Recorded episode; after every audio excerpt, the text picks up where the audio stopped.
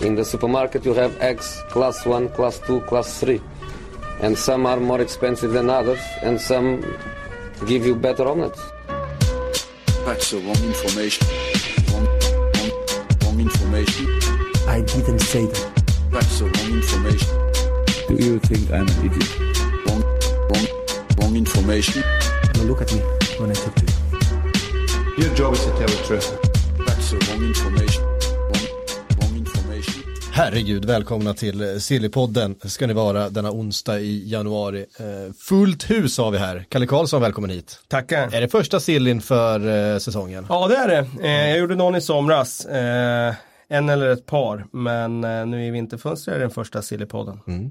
Vart ska sleven vara om inte i grytan va? Ja uppenbarligen inte i grytan eftersom jag inte varit med tidigare. Men eh, nu kör vi. Ja, precis. Makoto, välkommen hit. Tackar. Eh, och Patrik Bränning, Ja, såklart.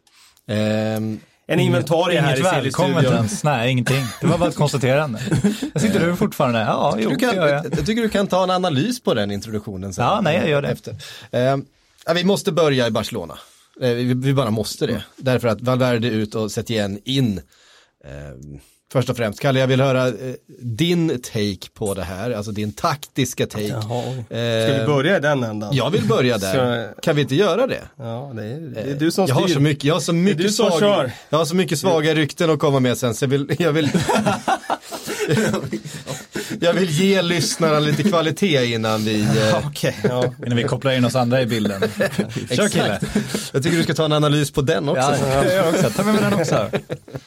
Ehm, Nej men alltså man kan väl börja från början med när äh, Valverde kom in i Barcelona så äh, var det ju som att de bytte spår. Man kan ha en lång diskussion om, om just det spårbytet. Om det var att det var Valverde som eh, ville dit för att det var hans grundfilosofi eller om han vill, eh, gick dit för att han kände att truppen började bli mer ålderstigen. Att eh, han skulle få ut mer av materialet. Det blev ju plötsligt ett rakt 4-4-2 i försvarsspel i Barcelona. Det hade man ju inte sett tidigare, två raka linjer på väldigt många år i alla fall. Och eh, eh, det var ju inte riktigt den identiteten som vi förknippade med Barcelona längre. Det var ju ett eh, lag som mest stod och väntade, eller så ska jag inte säga, det är klart att de hade så skickliga spelare så att de ägde bollinnehavet ändå, men det var ju inte det Barcelona som vi hade vant oss vid som tog tillbaka bollen så fort som möjligt, Parkerade på offensiv planhalva och som kvävde motståndarna och, och egentligen knappt släppte upp dem till eget straffområde. Nu var det ett Barcelona som var ganska trygga i att motståndarna kunde ha bollen. Å andra sidan då så låg Suarez och Messi i väldigt offensiva positioner. Så fort de vann bollen så hade de ju Messi i en jättebra omställningsposition. Vilket gjorde att de blev ju väldigt bra ändå. Har man världens genom tiderna bästa fotbollsspelare, vilket jag eh, vill fastslå att han är, eh, då kan du ju vinna matcher ändå. Och jag tycker inte de har varit speciellt bra under Valverde. Jag, jag har alltid älskat att se Barcelona spela. Jag har alltid varit hänförd av liksom ända sedan Peps dagar när han spelade, på den tiden han var spelare. Men under Valverde så är jag sällan funnit någon större eh, njutning av att se dem faktiskt. Eh, det har varit ganska torftigt. Sen har de haft Messi och det har eh, gett Valverde några titlar och det har gett eh, honom tillräckligt med förtroendekapital för att behålla jobbet. Annars hade han rykt tidigare för att eh, så som de har spelat fotboll nu, det tror jag inte man kan göra i Barcelona över tid och överleva. Och jag tror att det är där framförallt eh, som det handlar om. Eh, det var inte överraskande alls. Jag trodde att det skulle ha skett tidigare. Eh, jag trodde att han skulle rycka redan förra våren när de radade upp matcher där de ja, inte alls spelade speciellt bra. Men som sagt, han har blivit kvar och nu får han gå och eh, då tar de in en tränare som är extremt eh, eh, liksom, eh, tydlig i sin ideologi. Eh, jag har varit ett stort Kiki Setien-fan länge. Jag upptäckte honom när han var i Real Betis då och eh, på den tiden var, stack han ju ut med den filosofin ska jag säga. Så spela liksom 2-3-5 i offensiven eller 3-2-5. Det är egentligen närbesläktat. Eh, nu spelar väldigt många lag så. Nu är det inte så att det sticker ut längre. Men det är klart att han är en ideolog som kommer att spela på det sättet oavsett eh, hur, hur eh, resultaten ser ut. Och där skiljer han vad sig. betyder det sättet då?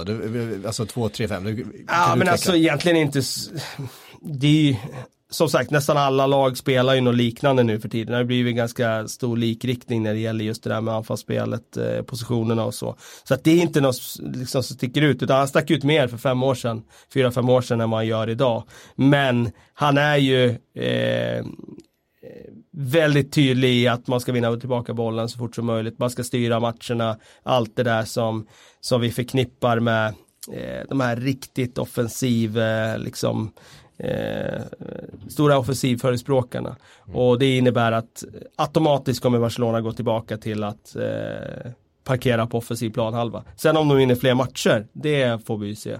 För att trots allt har ju Valverdes lag vunnit några, ett par ligatitlar och de vinner ju ofta. Eh, det ser inte så sexigt ut men de vinner. Mm. Han lovar ju bara en grej också, det var att de ska spela fin fotboll. Det var ju hans stora men, löfte. det, men det är ju det som är faran med Setien på något sätt och det är det som är chansningen. För att, ja, fotbollsfilosofiskt så är han som liksom klippt och skuren för Barcelona. Han är Barcelona, han är liksom uppvuxen med Cruyffs liksom tankesätt på hur man ska spela fotboll. Och det är just därför många Barcelona-supportrar är så glada över att just Setien kommer in. Men samtidigt, titta på Real Betis-tiden, titta på Las Palmas-tiden innan den. Den gemensamma nämnaren för den är att Alltså han når ju inte de här framgångarna han kanske borde göra. Man säger, ja men tänk om han hade ett bättre material, tänk om han hade en riktig nummer nio som han inte hade i Betis. Och liksom, ja, eller ett bra försvar, han skulle kunna sätta det då, han har spelare som kan hantera den här typen av fotboll han vill spela. Ja, kanske, men samtidigt så visar väldigt mycket av det han gjorde i Betis att det är en tränare som inte lär sig. Det är en tränare som inte lär sig av att det här fungerar inte, vi måste ändra, utan det fortsätter på något sätt samma spår. Betis problem under Setien var ju att du rullar, rullar, rullar boll och sen så har du ett motståndarlag som på snabba omställningar sätter pang, pang, pang 0-3. Och jag, jag är så otroligt kluven till hur det kommer bli med Setien, för om det lyckas som på det här sättet som man kan tänka sig att det borde göra rent fotbollsfilosofiskt och så vidare, då kommer ju Barcelona vara något ohyggligt bra. Men det kan också kollapsa på att jag känner inte att Setien har visat prov på att just nå resultat med den här fina fotbollen på den nivå man tycker man borde kunna kräva. Nej och sen som sagt de har ju en mer ålderstigen trupp idag. Mm. I alla fall den här kärnan av spelare som har varit med på hela den här resan och vunnit Champions League-titlar tidigare. Så, och de orkar ju inte spela det spelet längre. Och det, det är klart att det finns en risk att man går in med en filosofi som eh, eh, anpassad för lite yngre spelarmaterial som orkar springa eh, de metrarna som krävs. Och jag, jag håller helt med om att han är ju noll pragmatiker. Alltså som jag sa, han kommer ju spela det sättet oavsett om de vinner eller inte. Och där kan man ju se då skillnaden mot andra tränare. För man kan faktiskt dra en parallell till, ni såg José Mourinhos första match i Tottenham. Så spelade de faktiskt 3-2-5 i offensiven. Det vill säga alla gör nästan det idag. Eh, inte alla, det ska jag inte säga. Men många gör det. Men sen är ju skillnaden när Mourinho sen möter Liverpool en månad senare och han inte har ordinarie lag, han möter världens just då bästa lag. Ja men då skruvar ju han om det totalt. Det kommer inte Setien göra på något sätt utan det kommer ju bara vara hans filosofi, hela vägen. Och jag kan gilla det, men det är ju lite Sednik Seman över det. Alltså mm. det är ju den här romantikern som har en bild av hur fotboll ska spelas. Jag läste en intervju som var jättebra med honom, eh, som gjordes tror jag, ESPN för ett par år sedan där han pratade just om det. Det, det var en så det är roligt att läsa om det när han pratar om det på det sättet. Liksom, fotboll är underhållning och om vi inte underhåller de som betalar för att komma och se oss spela. Liksom, men det var, vad är värt någonting då? Då kan vi lika gärna lägga ner. Liksom. Han har ju den synen på det och jag, jag kan gilla det. Jag kan tycka att det är älskvärt och jag kan eh, eh, tycka att det är jätteunderhållande att se. Men ja, ja, det återstår att se om det här går att koppla till eh, resultat med tanke på att Barcelonas trupp är inte så eh, den är, den är fortfarande fruktansvärt bra om man tittar på namnen. Men flera av de här börjar bli till åren.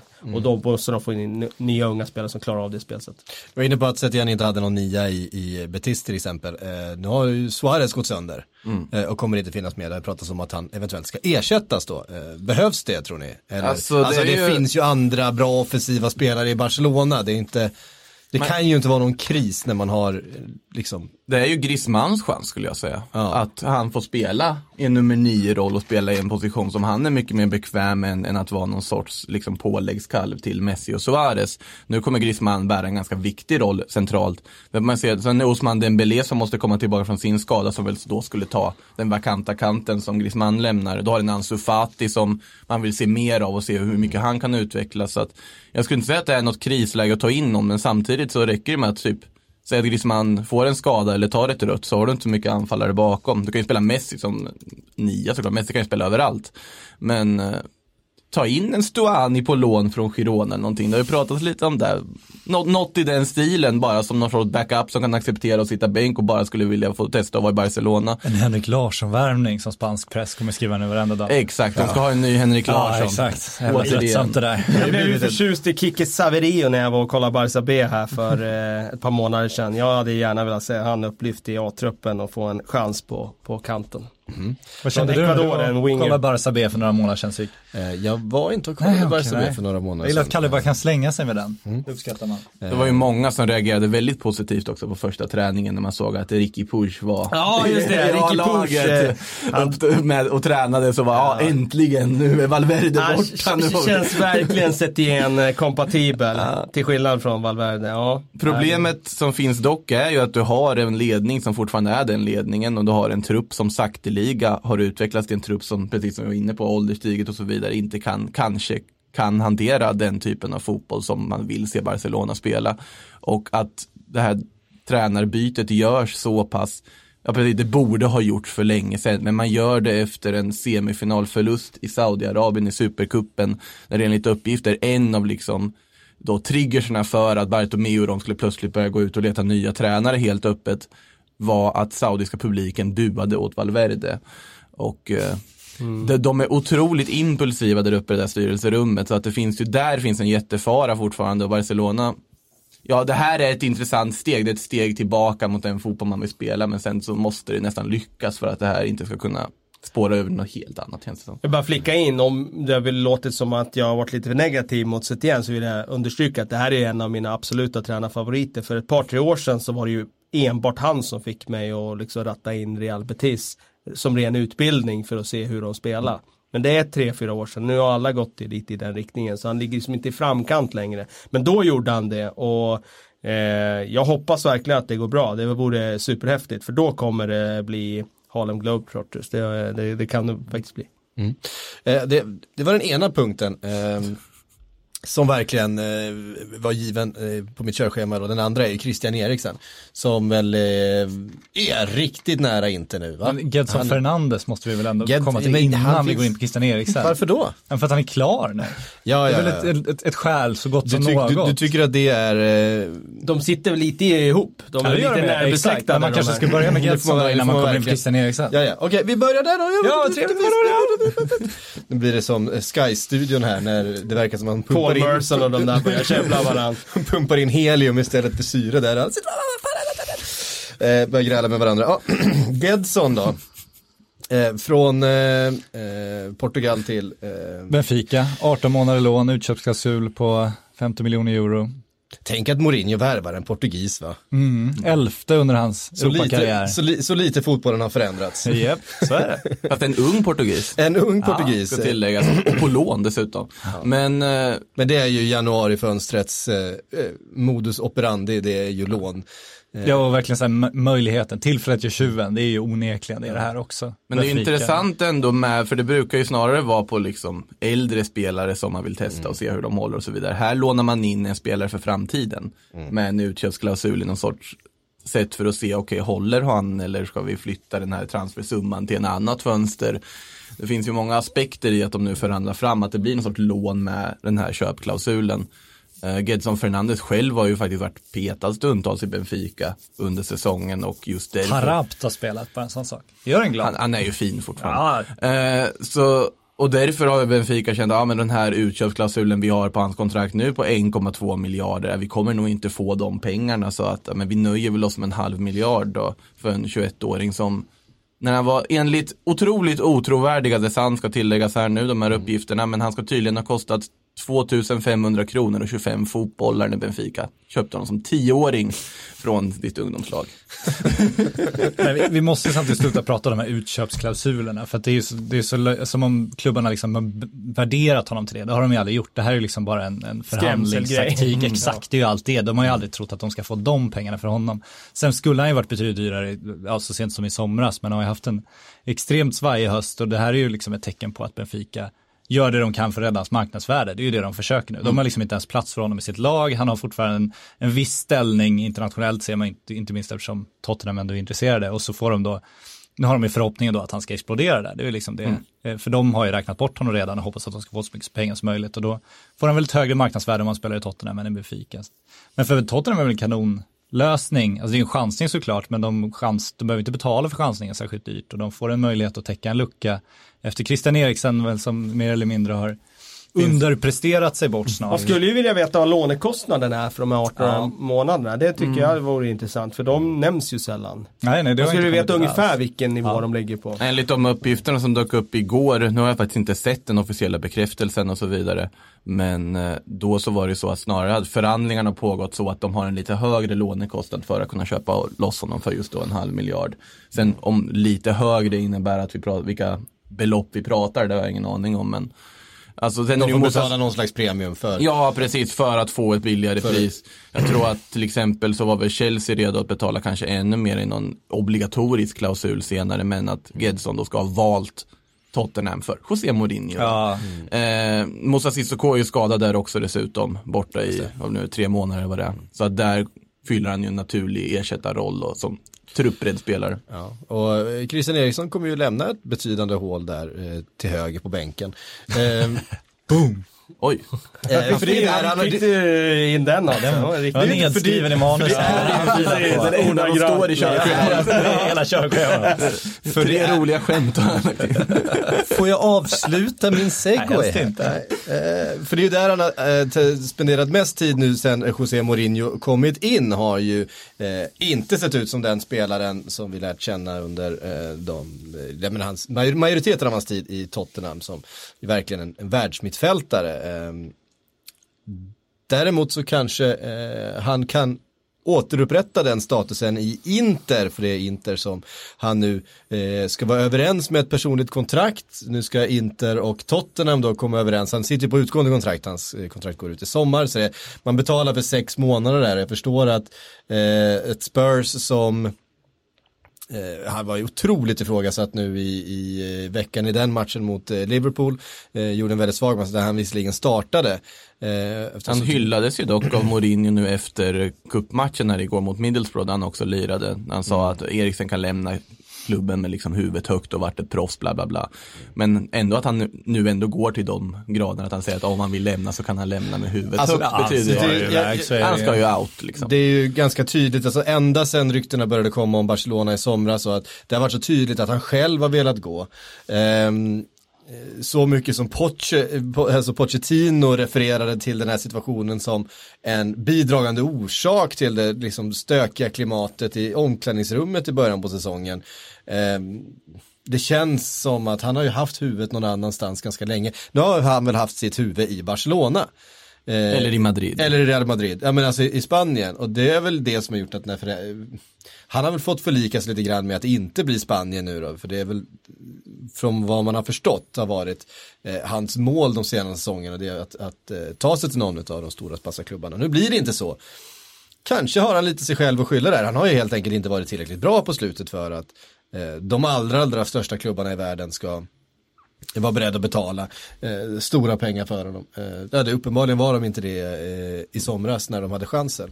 Det är så många så här, psykologiska faktorer som jag undrar vad som ledde till det ena. Alltså, det känns ju verkligen som han har varit så omotiverad att han, han har inte bråkat sig bort, men han har ju liksom underpresterat sig bort.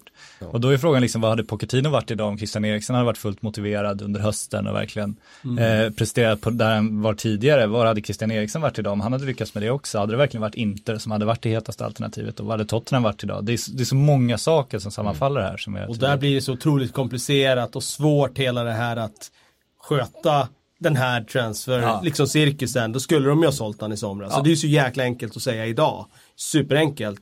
det är betydligt svårare att sitta i somras när ingen ser, har sett det här framför sig och liksom sälja honom mot fansens vilja. Eh, men som du säger, är, alltså, sälja honom då, plocka in en ersättare, kanske Pochettino hade haft jobbet kvar idag. Ja. Han var ju mer eller mindre utbuad i helgen mot, eh, efter sin första halvlek framförallt mot, eh, mot Liverpool. Ja, han var ju inte speciellt bra. Han var inte speciellt bra, nej, det, det kan man säga. Ehm, men Inter, eh, det pratas om att eh, Inter ska ha lagt ett bud på 10 miljoner. Eh, De kör riktiga Ja, ja, har ju varit det och problemet 10, 10 miljoner euro, men han har sex månader kvar på kontraktet. Ja, jo, alltså det är ju otroligt lite. Spurs sägs vilja ha 20.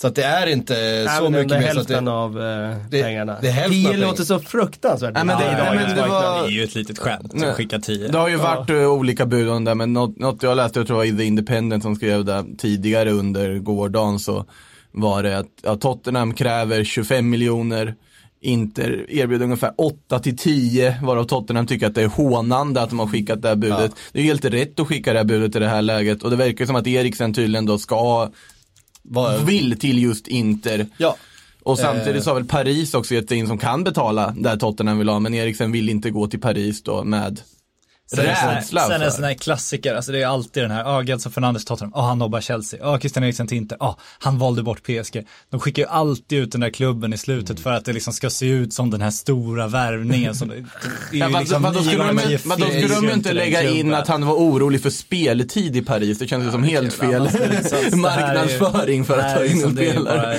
bara Pumpa upp marknadsvärde. Ehm, han ska se, eh, vara överens om sitt personliga kontrakt med Inter då. Eh, det är klart att i det här så ska ju sägas att han får väl antagligen ganska bra betalt. Eh, kan man, kan man, sen det är kul med inte för att eh, Conte är ute och klagar på att det inte finns några pengar.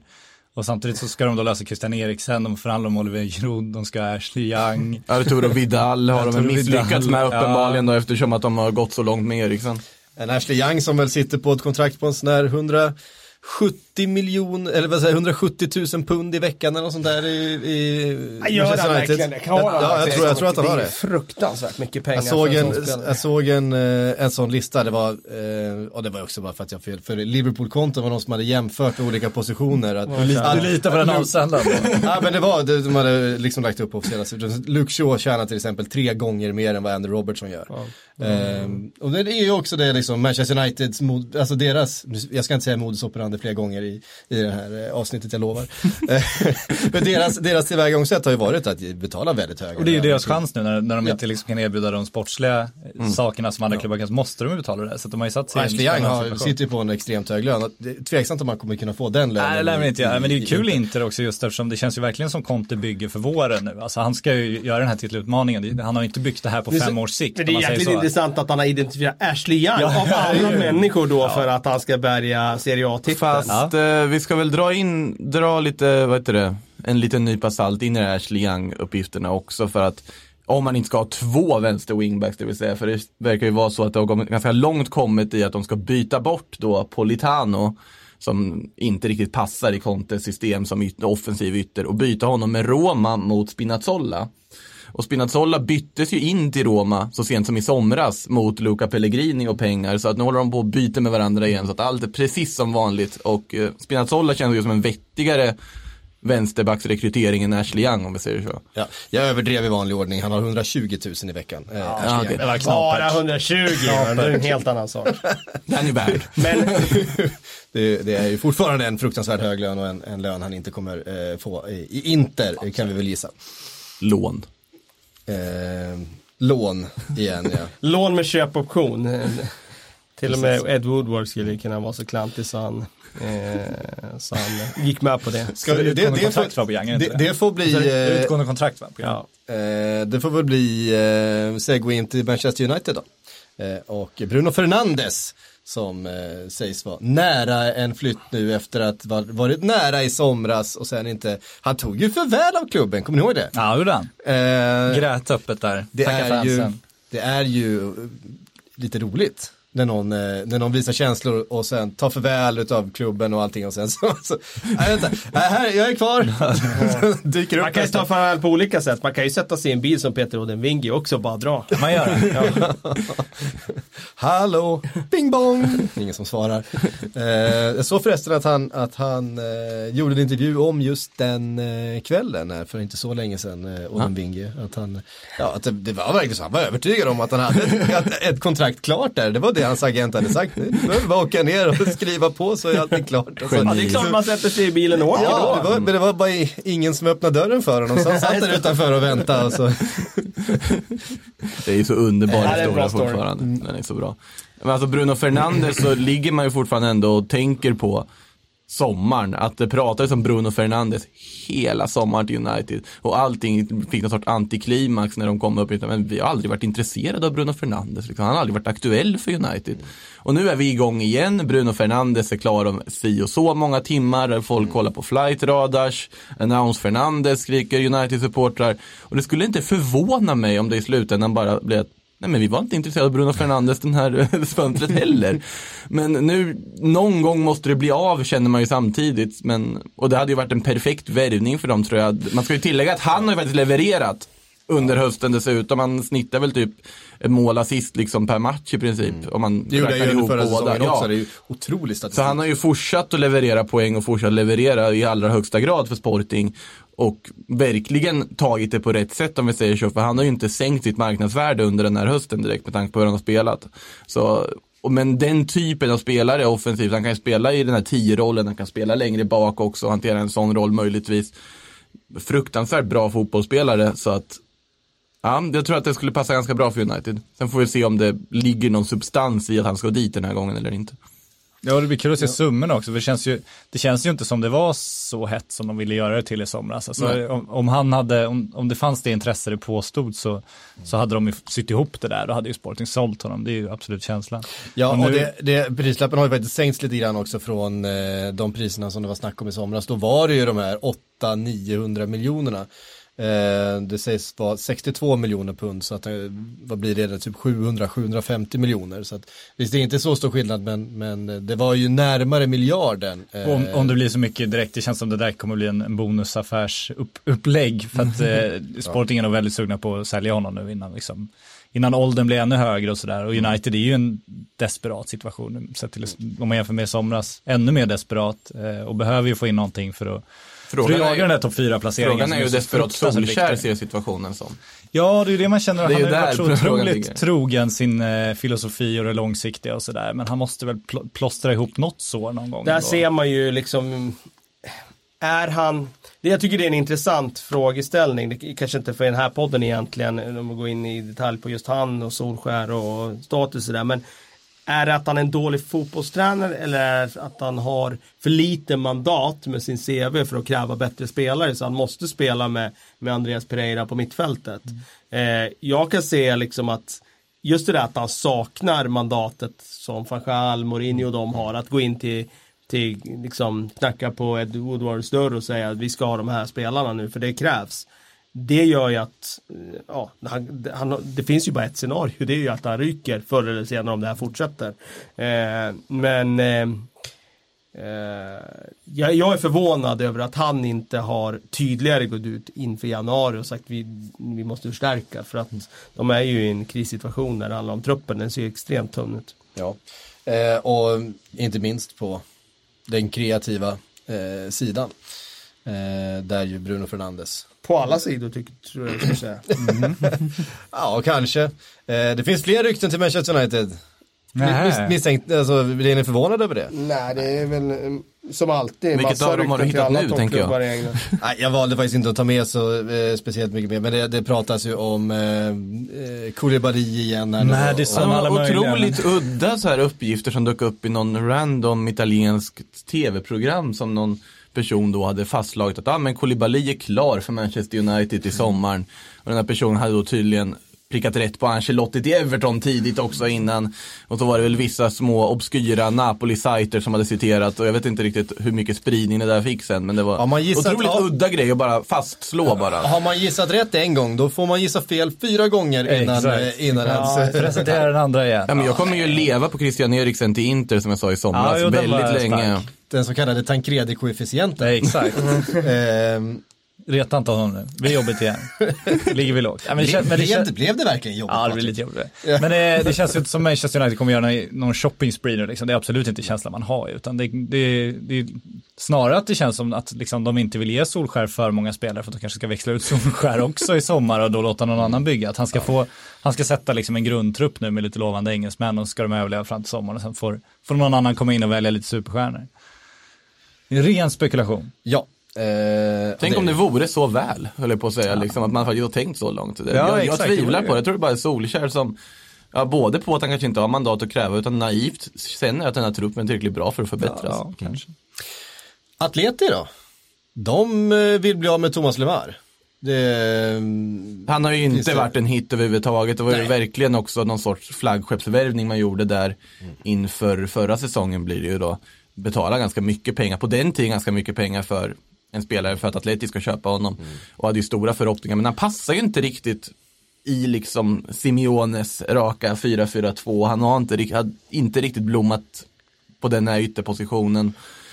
Och det var vi pratat om något bytesdeal. Ja, det den du kanske har lagt ja, in? precis. Men, eh, dels så eh, pratas det om att Atleti jagar Cavani.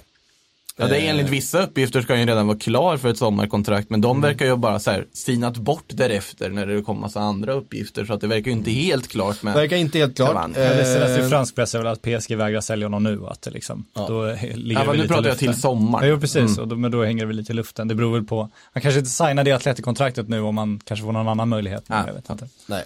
Eh, och alternativet då eh, till Cavani är det som har presenterats var eh, Lacazette från Arsenal där Thomas Lemar ska ingå som en del utav betalningen. Swatty. Ja men Thomas Lemar plus pengar då för eh, Lacazette. Och grejen är att jag tycker inte att det låter helt fel för Arsenal. Arsenal behöver ett få in pengar. De, de har lite skralt i kassan. Det är ingen hemlighet. Två, de har Aubameyang fortfarande. De har haft svårt att få in både så är Lacazette och Aubameyang på eh, rätt- bästa position. På sin bästa position. Nu har ju Aubameyang startat väldigt mycket på kanten eh, när Arteta har liksom skohornat in båda. Kan man Aubameyang kommer de inte få så mycket pengar för. Han, han är lite för gammal för att de ska kunna sälja honom för en, en stor summa pengar. Kan man få in eh, liksom ett par hundra miljoner plus en Thomas Lemar som ju Arsenal har själva jagat eh, väldigt intensivt under eh, framförallt sommarfönstret då 2018.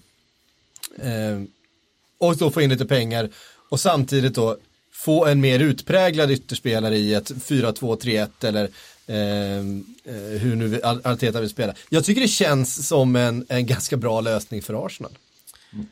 Ja, det tycker jag också. Eh, de behöver göra någonting för att få ut maximalt av truppen och maximalt av truppen är ju egentligen inte att spela Aubameyang på en kant. Även om han är så målfarlig så att han i alla fall kommer att peta in bollar från den positionen så, så tror jag också att eh, kan man hitta en synergieffekt av att man eh, kan få fram honom i den positionen, förstärka en annan position samtidigt, dessutom få lite pengar.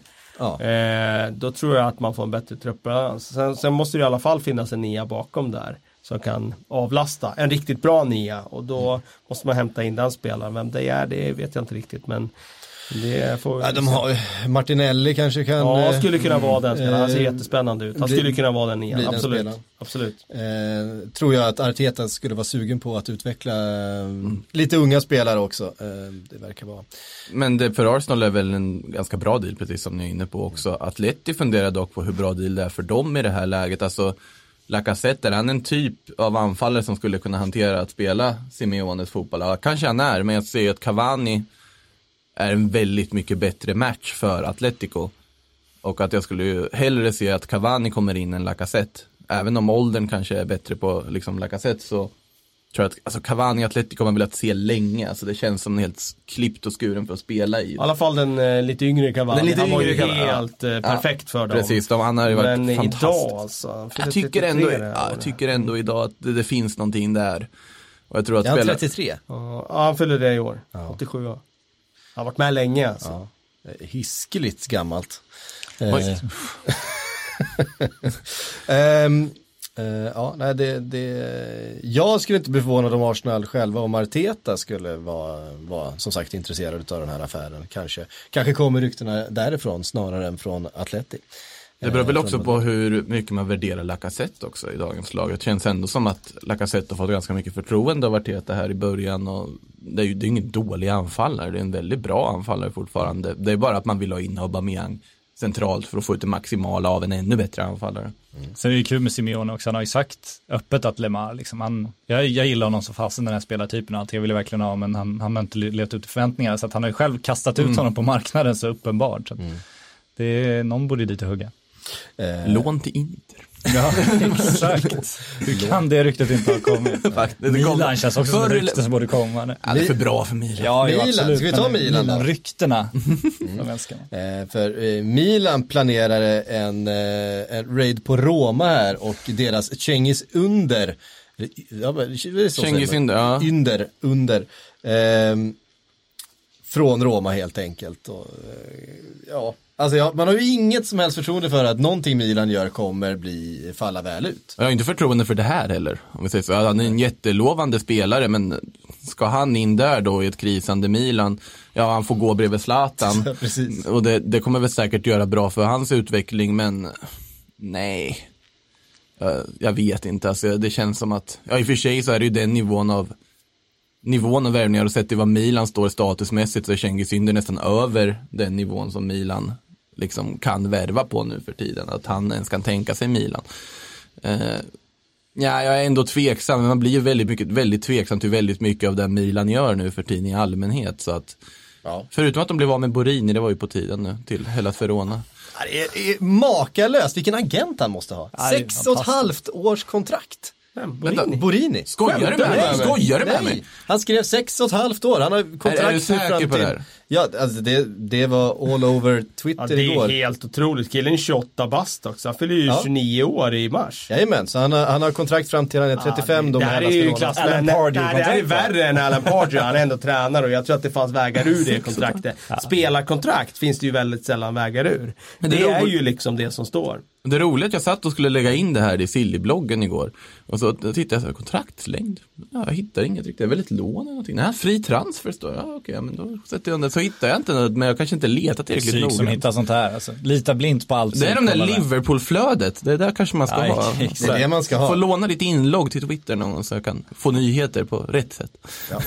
Men fascinerande med Milan, de här Money League kommer nu från, eh, från Deloitte. Eh, och de är ju utanför topp 20 nu, de ligger väl 21 nu Milan i, i kommersiella intäkter. Eh, är fortfarande topp 20 om man tar bort eh, liksom matchdagsintäkter och eh, tv-intäkter. Men är så ofantligt långt efter de bästa nu, är liksom i klass med Wolverhampton på liksom, och Leicester på, eh, på Commercial, kommersiella så, intäkter. ja. Är, är de ändå så högt? Ja, de är, de är ja, ändå så är Wolverhampton är, och Leicester. Det känns som väldigt Men mycket är inte bättre. det intressant också utifrån det här eh, ägandet som tog över dem? Den här, eh, alltså Kinesen och. Elliot Management. Elliot, nu. Elliot Ja, Management, ja. exakt. Som verkade, eller i alla fall lanserades där när Niva skrev om dem som riktiga vinnare som liksom inte kunde misslyckas nästan med det de företog sig. Mm. Det känns inte som att de har lyckats parera eh, fallet på något sätt. Nej, inte alls. Alltså det de lyckades, de lyckades väl kuppa till sig klubben till ett ganska billigt pris till slut eftersom de, de påstods ha blåst de här kineserna ganska grovt. Eh, så på så sätt så köpte de väl en ganska en billig klubb sett till att de ändå har de här marknadsmöjligheterna fortfarande. Alltså de ligger så högt tack vare det här varumärket som de fortfarande har. Eh, sen är det ju så att det här är liksom någon slags varning till Manchester United kan man också se, se. för Milan har missat Champions League sex år i rad. Och det är det som har gjort att de hamnat här. Det är ju Champions League-intäkterna som är borta. Eh, de engelska klubbarna har ju tv-intäkterna att luta sig mot fortfarande. Men, men på sikt, om man missar CL så många år i rad så, så, så tappar alltså så ofantligt mycket. Milan var ju topp tre i världen ekonomiskt 2004-2005 där. Eh, så det är ju verkligen en varning. Och ser man då om de skulle kunna ta Milan tillbaka till Champions League, bara det skulle ju göra med den här liksom grundtryggheten de ändå har i sitt varumärke, sin, sin, eh, sina sponsorintäkter och allting, skulle ju göra att den klubben kommer bli värderad så mycket högre då. Men, men kan man göra det utan att ha de ekonomiska intäkterna eftersom du numera inte kan, kan pumpa in hur mycket pengar som helst i dina klubbar. Det är ju väldigt tveksamt. Är det 38-årige Zlatan som ska göra det? Eh, känns ju också tveksamt. De ska väl förhandla om sitt Emirates sponsoravtal nu också och eh, vad har de liksom att komma med där? Har de väl Zlatan, han är väl stor hjälp kommersiellt nu, men de har ju ofantliga utmaningar. Alltså. Och man ser också så här, Simon Kjär dealar, liksom. det är inte så att det är det som kommer skjutsa dem upp i tabellen. Alltså det, det är ett moment 22 det där med att försöka kvala in till Champions League. För att nu för tiden så är det nästan så att du behöver ju pengar från Champions League för att kunna ta dig till Champions Nej, League. Man, man ser ju det där i Arsenal också, att de lider väl också av det. Att även om man vanligtvis skulle vara en klubb som kan liksom slåss på övergångssummenivå med de största sett till arena, infrastruktur och alltihopa så har du ju inte Champions League-spelet och det märks ju på att de inte har råd att betala samma pengar som många andra klubbar i England kan göra och Milan är ju samma sak fast på italiensk nivå då. Så det är ju otroligt svårt det där. Ja, och där har vi ju den stängda ligan. Den är ju redan på gång att formas. Det är ju Champions League-klubbarna, alltså de som är där återkommande år efter år. De kom- bygger upp en finansiell bas som gör att de inte kommer kunna bli hotade och det kommer ju bli omöjligt att ta sig in där. Så är det ju. Alltså, eh, det ser vi ju redan nu.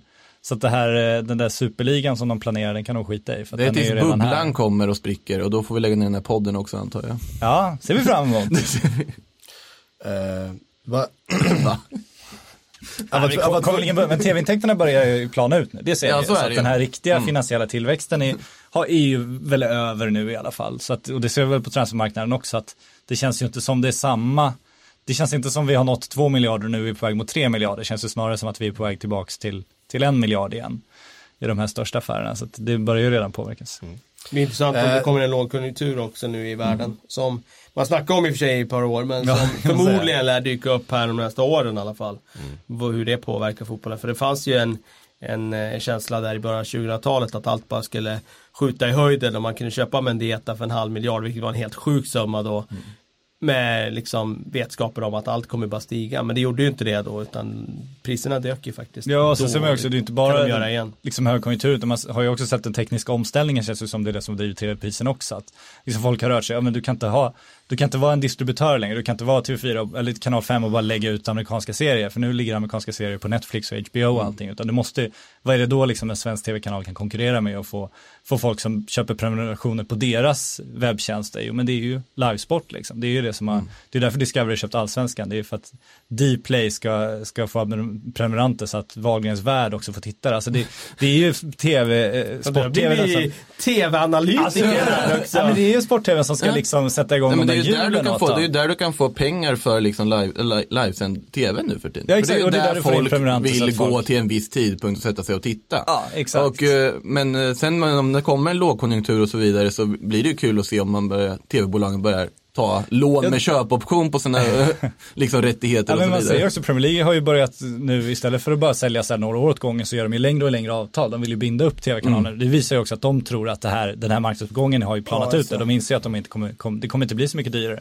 Så vill de ta ut så mycket som möjligt. Och det ser man ju också när tv-bolagen landar i den här te- teknikomställningen kommer de ju också börja förstå vad de här sport-tv-rättigheterna är egentligen värda. Och det känns ju som de är lite upplåsta just Ja, nu. jo, mm.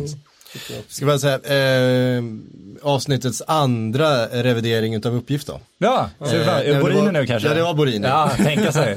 Eh, det var uppgifterna som var innan var att det var ett sex och ett halvt års kontrakt. Men när den officiella presentationen väl var så var det sex månaders kon- kontrakt. Ja, det är ganska stor skillnad. Det är ganska stor skillnad. Det är ganska stor Jag älskar att skillnad. vi liksom någonstans lanserar oss som att vi ska liksom hjälpa fram i transferdjungeln och sen sitter Patrik Syk och bara hugger oss djupare och djupare in i den här jävla regnskogen Det alltså. Ganska stor skillnad på sex månader och sex och ett halvt år. Jag tycker också det. Ja. Det För lät nu ju- framstår ju inte Hellas Verona längre som, Som idioter. tulpar. de, de, de framstår ganska smarta snarare. Och Men då lyckas kan man tycka så här, Det är också ganska stor skillnad. Hade vi varit en podd av liksom kvalitet med lite resurser då hade ju Patrik Syk nu redigerat och klippt om det här avsnittet. Ja. Men det är han ju helt Nej, enkelt för nej, lat nej, för att göra. Så ja, det kommer ju inte hända Nej, utan nej, allt nej. det här kommer ju fortfarande vara med. Utan det är en del i underhållningsgrejen som Ja, är det, silly. så det, Liksom. resonerar psyk i alla fall. Patrik Syk tänker såhär, ja, gör podd, ja, klipp in, klipp ut, ta lunch. Så att det är. Ljudnivå, ja men det där är den där röda. Okej, Ja, lägger här ligger vi. Ja, men det är. Lite pressad nu psyk här i. Hårt, det är hårt här inne Sitter nu. Banco Frändén med liksom en egen klippa djupare och lite bättre, ja sådär. Vi Ja, knivar det. oss till Det- det är externa skillnad på podd och podd. Men vi sitter här år efter år i den här svettiga Tro- lilla, tro- lilla, lilla lokalen och Trodde ni hade lärt er acceptera hierarkin på den här redaktionen vid det här laget. Ehm, Ändå är det väl den här podden som har flest lyssnare av alla poddar i hela huset. så är Är det. inte så? så är ja, en dem i alla fall. Ka- Ja, kanske inte på vintern men på sommaren i alla fall. Vi når ut till den eh, gemena arbetaren, det är väl det. Sveriges största sportpodd, så är det. Men här sitter vi, svettig lokal. Kan vi gå vidare?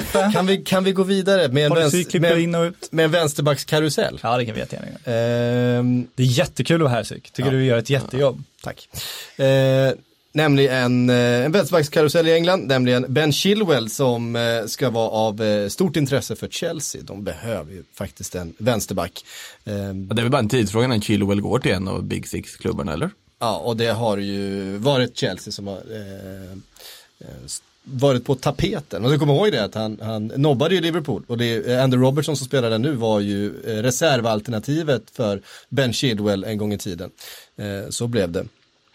Eh, och nu verkar han alltså eh, vara av intresse för Chelsea och i sin tur då så vill Leicester plocka in Luke Shaw från Manchester United. En, li- Smart. en liten karusell i alla fall. Kanske Luke Shaw har en eh, Ashley Young, framtid i, ännu eh, viktigare nu. i, Ja, vad Leicester. fint. Ja, men de har ju fått in Brandon Williams eh, på vänsterbacken i Manchester United som väl har gjort den platsen till sin helt Ja, enkelt. just nu är han ju bättre än Luke Shaw i alla fall. Ja. Han är den bästa vänsterbacken de har idag liksom. Så att, och det tycker jag faktiskt helt ärligt, man kan skratta åt, ja, Luke Shaw. Men jag tycker Leicester agerar ganska smart om man, det är fortfarande en spelare som kan leverera när han får vara skadefri, som har visat att det faktiskt är en vänsterback av ganska hög kvalitet när han får spela och får vara skadefri. Det är ju där det, eller kruxet ligger hos Luke Shaw. Och eh, om Leicester kan då få bra betalt för Chilwell, ta in en Luke Shaw här som är liksom taggad på att få visa vad han kan, tror jag tycker det är en ganska bra affär. Eh, sen ska man inte hålla det för eh, Brennan Rodgers att eh, göra några riktigt svaga transferfönster också. Det har inte varit hans, hans styrka i, i, i karriären kanske. Eh, växla ut bra spelare, ersätta med lite, lite sämre. Du Eh, sätta kniven i honom igen. ja, neutral. jag Apropå gillar, Borini eller? han gick in tungt för Borini, det var väl hans första värvning till Ja, Liverpool. Joe Allen var väl första Ja, kanske. Joe Allen och sen Borini var det var väl- Borini. Hur överlevde Borini borta i England alltså. så länge? Han var ju, det var inte bara, han var Han var, i Han var i Sa- Swansea San- först. Ja, först i, han var på lån i Swansea och det var ju under Brennan Rodgers. Mm. Det var ju så de lärde känna varandra. Och sen var han i Liverpool en sväng och sen till Sunderland Ja. ju. Där han var ett par säsonger. Hur kunde han klara sig i England så länge utan att typ lånas tillbaka till... Det Det finns ganska, ju det finns det är en definitionsfråga om han klarar sig. Han var ju bra i Swansea men sen... Han, han hade ett stim i Swansea. Han, han var ju en sån spelare som, som kunde komma in i målstim eh, då och då. Ganska sällan. Eh, med Chelsea då, de ska också vara sugna på Isco. Ja men det är de ju varje fönster. Det var det- väldigt, väldigt specifik siffra. 47 miljoner pund stod det i Sky Sports transfer eh, kvarn. Alltså jag kan ju säga så här med Isco, det blir alltid en grej så fort Isco gör någon sån här riktigt bra match med landslaget eller liksom visar sig upp i någon match och visar de här unika kvaliteterna som han ändå har. Att den liksom icke-La Liga-följande fotbollspubliken går ut i kör med eh, vad heter det, högafflar och skriker att ja, men det är ett slöseri att låta en sån spelare bara rotera sig i Real Madrid. Bara, han måste ju få befria Isco, skicka honom till en klubb där han får spela som han Titta på Isco, vad han har levererat under de åren han har varit i Real Madrid. Titta på hans liksom, vad heter det, genomsnittsnivå. Han är precis ungefär där han ska vara sett till den nivån han faktiskt håller. Och i Real Madrid nu, han, han dyker alltid upp, han är petad en period och så ska han säljas till Premier League. Sen så kommer han igång och får plötsligt speltid och gör det helt okej. Och nu, till exempel i Supercup-matchen här borta i Saudiarabien så gjorde han det ganska bra när Real Madrid fick plötsligt för sig att spela fem inne mittfältare och Jovic i sitt lag för att eh, täcka upp för skador på Benzema, Bale och Hazard och så vidare. Isco kommer bli kvar, alltså varför skulle de sälja honom? Det finns en Chamez som de snarare kommer göra sig av med i det här läget. Så jag tror att man får inse att Isco kommer sitta där och han kommer att göra sina fina grejer ibland och han kommer vara helt osynlig ibland. Men han är precis på den nivån han ska vara som en rotationsspelare i Real Madrid. Jag tror inte han når längre än så. Eh, nej, så kan det vara. Eh, Det fick jag ska, vi ta, ska, vi, ska vi ta en, eh, en klar övergång? Ryan Babel till Ajax. Är det sant? Ja, ja tredje vändan. Ja, 22 år sedan eh, kom dit som 12-åring och sådär var det någon som skrev. Ja, det är fint. Ansl- Anlände han i helikopter? Nej, jag tror inte det. inte den här gången. The Bubble Copter. Eh, är annars en klassiker. Ja, men fan, Ryan Babel, han har liksom lyckats klamra sig fast, inte minst genom väldigt fina eh, prestationer i landslaget vid, i någon slags relevans och sen en, ett, ett fint lån till full. Ja, men Ja, så här, Men han, har ju, han har ju varit bra, han har ju fått någon sorts renässans ändå. Nu, Ajax i det här läget, undrar man ju, ja man plockar in honom, du har ju plockat in Kinsey Promes på tal om andra duktiga liksom nederländska yttrar som har väldigt stor potential men inte alltid visar den.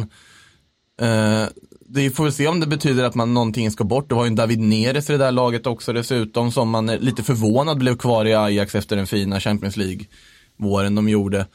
Eh, så att om, jag vet, vi får se om Babel är någonting man tar in för att täcka upp här nu för att någon är på väg bort eller inte. Eller så har de ett skadeläge som jag faktiskt ärligt talat inte känner till när jag sitter här nu.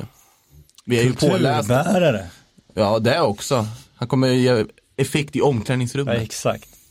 Vi eh, har såklart fått en massa frågor. Det gillar vi. Det är det bästa med podden, Kan ni tänka er? tycker jag. Folk bryr sig och vill faktiskt att vi som egentligen, nu Mm. talar jag inte för alla här, men inte alltid är helt pålästa så Nej, nej. från oss. fick, fick, jag, fick jag en fråga Får här Banco Fredén några frågor undrar man ju. Ja, det undrar man. Eh, Hur många frågor får deras klippare lägga in? Deras produktioner? Inte så många. Nej, men nej. Det händer.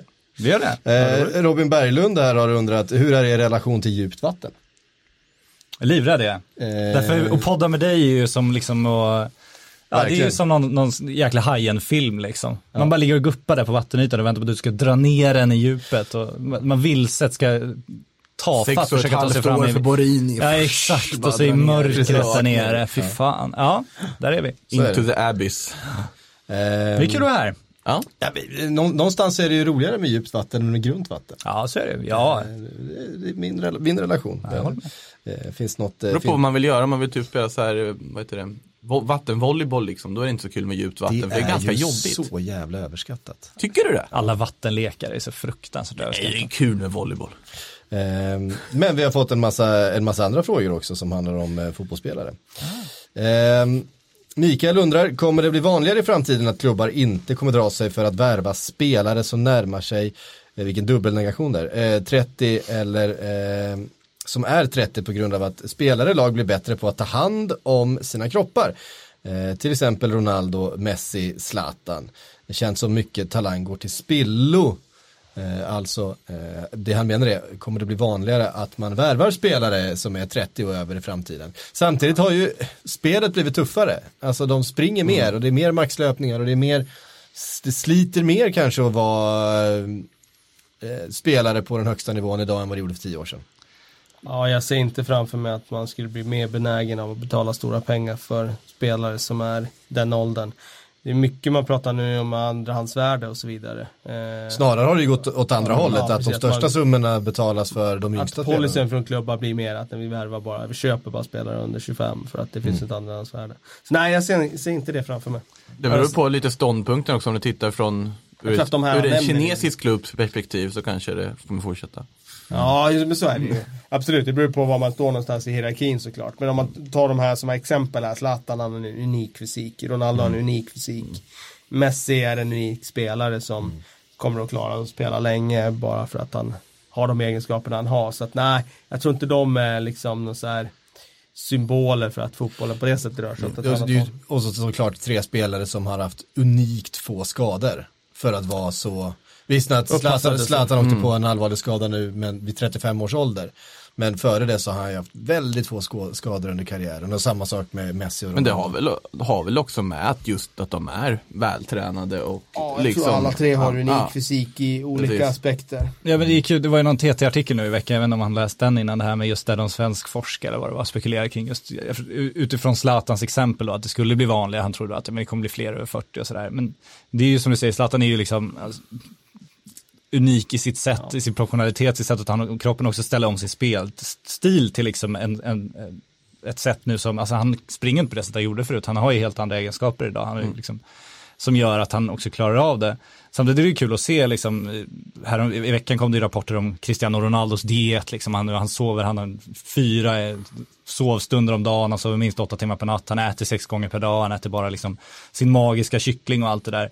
Samtidigt sitter Steven Gerrard och, och Gary Neville och pratar om hur det var back in the days, Ja. liksom, när Gerrard kom upp i Liverpools A-lag och han blev helt chockad att han, han blev så nedsupen på sin, sin första lagfest att han inte visste hur han tog sig hem och, han, och spelarna var ute varje vecka och Gary Neville sa liksom att anledningen till att Manchester United vann så många titlar på den här tiden var att de var tidigare med att ställa om från pubrunder till träning. Liksom. Alltså de slutade gå ut. Och då kände de att det här Fergie time, att det var liksom en anledning till det var också att de var, de var piggare än sina motståndare i slutet. Bättre tränare. Ja, de var bättre tränare. Ja, nej, det så där det har är hänt ju, någonting där. Där har ju varit en revolution och det, det var ganska många år sedan den skedde. Eh, och England tror jag var väldigt sena på den hästen. Eh, så det är klart att där har man flyttat fram väldigt mycket men eh, som sagt jag tror om du tar de här tre spelarna så har de unika egenskaper. Eh, hur många forwards överhuvudtaget i världsfotbollen har vi sett som liknar Zlatan i fysik och egenskaper? Ingen. Under vår livstid. Och dedikerat sig så fullständigt till fotbollen som de gjort. Alltså det finns ju ingenting annat de ägnar sig åt. Eh, utom att liksom fokusera på sina karriärer, ta hand om sina kroppar. Ja, eh, verkligen. Vissa kommersiella samarbeten vid sidan om, men det är det bara vissa. De är inte så giriga. Nej, Nej, nej, pengar är inte viktigt. nej. Nej, och, och fotbollen har ju blivit mer, alltså, en, en, eh, de, de fysiskt eh, bäst förberedda lagen har en, en större fördel idag. Det, det tyckte jag man sa, det har väl varit ganska talande under de här eh, Club World Cup. Eh, som ju Real Madrid har vunnit ett antal år som Liverpool, alltså det, Europa vinner alltid.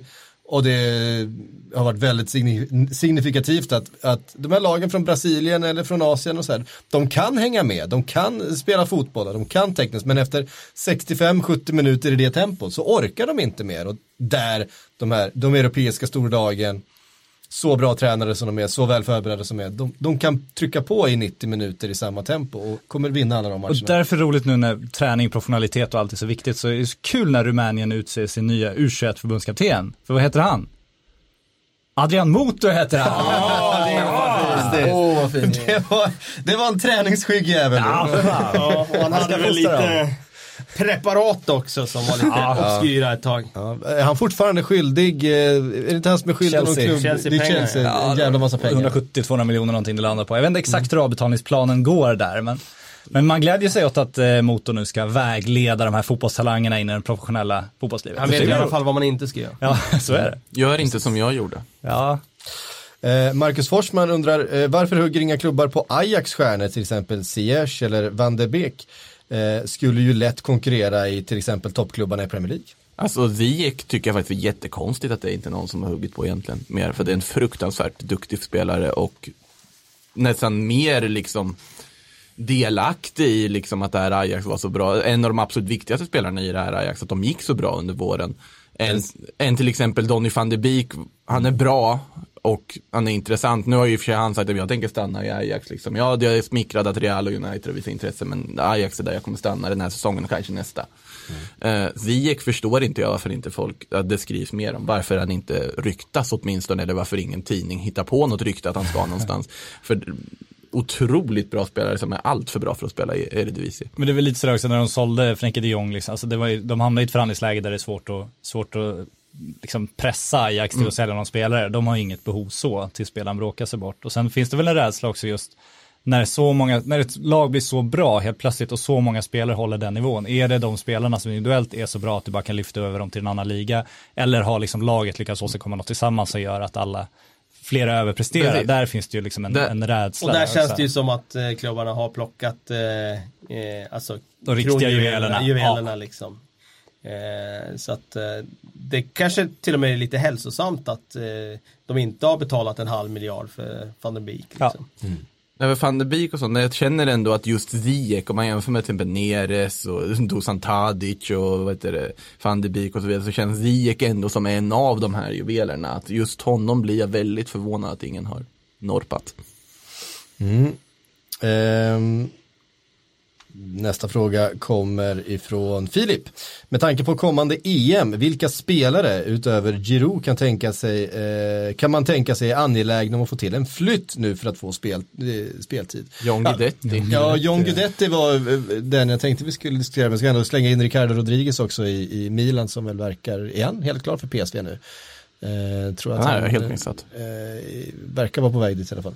Eh, ska också då vilja lämna för att eh, få mer speltid. Han har blivit för- utkonkurrerad av Theo Hernandez där ju på vänsterback. Ja, precis. Eh, liksom en spelare som liksom var på väg till hela Europa ett tag och mm, som var så otroligt het, Ricardo Rodriguez för. För några säsonger Ja, sedan. det är och ganska nu- många år sedan var som allra hetast i Wolfsburg där. Det är tillbaka Sant. på sju år sedan i alla fall. Men John Guidetti, eh, det kom rykten om Tyskland. Ja, Eh, icke namngiven ja. klubb. Ja, det var ju väldigt, väldigt Jävligt diffust. luddigt alltså. Ja, Måste ju vara på något sätt planterat från någon. ja det börjar ju Ja, vara jag det. Och någon alla- vet ju alla alla vem det är i så fall. Så att, men, eh, ja. Nej men så är det. Men är, ja, spanska klubbar gillar väl att låna ut spelare till Tyskland. Ja, i och för sig. Men det var så diffust när det bara var Tyskland. Det Ja, var jag liksom håller med. inget konkret alls. Är det, är det Zweite, är det första Bundesliga, är det dritte Bundesliga till och med, vem vet? Det, men alltså, ja, det är otroligt diffust. Jag tycker fortfarande Cruz Azul hade varit jätteroligt. Han ska ju nobba dem enligt nu. Ja men det, det, det, det är bara press, att trist det kan vi, man går kan vi till, går hoppas. till typ såhär Darmstadt eller något i Bundesliga, jag vet inte, inte något fel på Darmstadt men alltså, jag att det Cruz Azul hade varit så kul. Det hade varit så roligt att se John Guidetti i Mexiko. Ja, jag håller ju fortfarande inte med. Men... Ja, jag vet att du inte gör det, men du håller ju sällan med mig. Ja men en utlåning till Tyskland, kanske topplag i Schwe- i Schweiz då, eller inte stenkoll på vilka som har anfallsbehov där ska jag vara helt ärlig med att säga. Men han ska ju rädda sin EM-dröm, så är det Och det blir spännande om Zlatan börjar knacka på EM-dörren också, då kan det, kan det bli svettigt att rädda den där. Han går ju rätt bra, Sebastian Andersson också. Så att... Ja, han har inte Eh. jättebra aktier just nu John. Nej, det stämmer. Eh, Ted Madjar eh, skriver, Callum Wilson samt Ryan, Ryan Fraser är det dags att lämna skutan. Möjliga klubbar är Arsenal något för Callum. Om eh, Pierre lämnar skulle Ryan kunna vara något för Leicester till exempel. Eh, alltså Bournemouths eh, Callum Wilson och eh, Ryan Fraser. Ja, men vem, Bour- om, Bournemouth vem skulle till- lämna Leicester för att han skulle få plats där sa han? Eller, Det sa han inte. Nej, okej. Eh. Alltså jag tycker ju mer det är Leicester-kompatibelt än vad det är Arsenal-kompatibelt. Jag kan ju tycka Mm. att Arsenal borde sagt sikta högre. Visst, det är bra spelare. Och i och för sig då, Callum Wilson skulle kunna vara den där backup-spelaren om de släpper Lacazette, skickar upp Aubameyang längst fram och som var en backup-nia. Då skulle han kunna vara en sån spelare. inte han lite Frå- för bra för det? Frågan är om man accepterar det själv. Mm. Då är det ju i så fall för flytten till en stor engelsk klubb som fortfarande är lockande för de här brittiska spelarna. Var ju nära en Chelsea-flytt för Ja, ett exakt, år sedan ungefär. Exakt. Ryan Fraser har ju inte producerat alls på det sättet som han gjorde förra säsongen. Så man funderar ju om det var lite dagslända där när det gäller hans supersäsong där när han öste på med assist. Han gjorde ju 14 assist förra säsongen. Eh, jag tror inte det är någon som vågar chansa riktigt där. Det känns ju som Bournemouth borde sålt förra sommaren också med tanke på ett utgående kontrakt på Fraser också. Att man skulle se till att få lite pengar från honom där Som i sagt, och med. lätt att säga med facit i hand. Ja, ja, ja, det- man, måste ju vara efterklok här känner jag. Det är det Det vi är en gör. podd där vi är efterkloka. Vi är väldigt är ofta efterkloka i den här podden. Ja, herregud. Jag vill inte kloka innan, det ska gudarna. Precis, vi fyller på då med Alexander Carlén, säger inte Danny Ings en perfekt värvning för Chelsea eller Tottenham? Som han spelar nu är han ju det. Eh, Det är ju en jättebra värvning för de klubbarna. Eh, Jag håller med. Det eh, skriver jag under på. Så om ett år då så kommer vi sitta här efter Danny Ings har gjort två mål på 21 matcher i, Liv- i Southampton och konstatera att ja, men de skulle tagit det där budet från Tottenham på Danny Ings. Kan vi redan säga nu då? Så slipper vi vara efterkloka den gången också. Eh, Victor Nilsson undrar, eh, diskutera, eller han undrar inte, han, han eh, beordrar oss att diskutera fritt kring Zlatans vara eller icke vara som fotbollsspelare kontra reklampelare. EM 2020, Zlatan in. Vi kan inte börja, det är, Nej, ingen, nej, det är ingen nej. som har den diskussionen och jag hatar dem som låtsas att den diskussionen finns. Det är ingen som pratar om det. Det, det har inte hänt något. Det Janne lär vara supersugen att Ja, ta det absolut. samtalet Men det, ingen har ju verkligen, till Zlatan säger att han ska spela landslaget så är det ju faktiskt en helt, helt in, alltså, Det är en icke-diskussion ja det nu. finns ju inte så det finns ju ingen anledning att ta den. Sen som reklampelare är det spännande det där slutsatsen att vad var det, han har 34 miljoner fler följare på Instagram än vad AC Milan har liksom. Så att, att de värvar honom som reklampelare också gör de ju. Eh, och apropå den ekonomiska diskussionen så är ju det inte så dumt. Men den landslagsdiskussionen är, det är ju bara helt... Man är ju så osugen på att Janne ska sitta varenda presskonferens och snacka om det. Orkar alltså. inte. Nej. Alltså, Man man, vet ju hur störd han kommer vara över det. Han Ja. hanterar det ju så bra Janne för att Ja, han ja, är så verkligen. skicklig på det. Men det är klart att han kommer vara fruktansvärt eh, Irriterad, ja. irriterad över att, eh, att det här blossas upp. För det, man vet att det kommer. Ja, men det har ju varit klara bud också. Janne sa ja, det är inte som att jag stängde. Det är Zlatan som har gjort, liksom, sagt nej. Då Ja. får han kontakta och då, är, då bara stänger vi diskussionen där. Det vi däremot kan ta fram är ju att Zlatan som fotbollsspelare får ju en renässans av att han faktiskt går in i Milan och levererar. Och ser ut att verkligen liksom njuta av att spela fotboll igen, ser ut att liksom vilja lyfta det här Milan uppåt. ju- Vi kan ju bara snarare njuta av att vi får se honom i den här rollen fortfarande spela fotboll på den högsta nivån. Ändå. Ja, Bara, det- bara stanna där istället. Ja, jag håller med dig. Det är superhäftigt och jag tror att storheten är att han levererar i den här åldern på den nivån. Det kommer vi förstå först om tio år när vi blickar tillbaka på hans karriär. Då kommer han få den crediten runt om i världen också om man tittar på hans karriär. Och liksom, han har varit bra under så många år. Han är anfallare, han fyller 39 i år och han spelar i, ja, visserligen en klubb som har dalat, men det är fortfarande en stor klubb. Och om han dessutom presterar den här våren, då, då ser jag det unikt. Och Sen kommer ju Janne få problem med populisterna ändå i sommar när Sverige brakar ut ur EM och han envisas med att spela Sebastian Larsson och Marcus Berg före Alexander Isak och Dejan Kulusevski. Trots att han ska göra det än så länge. Det kommer ju bli spännande att följa. Det blir spännande. Hoppas han inte har Twitter, Jan Andersson.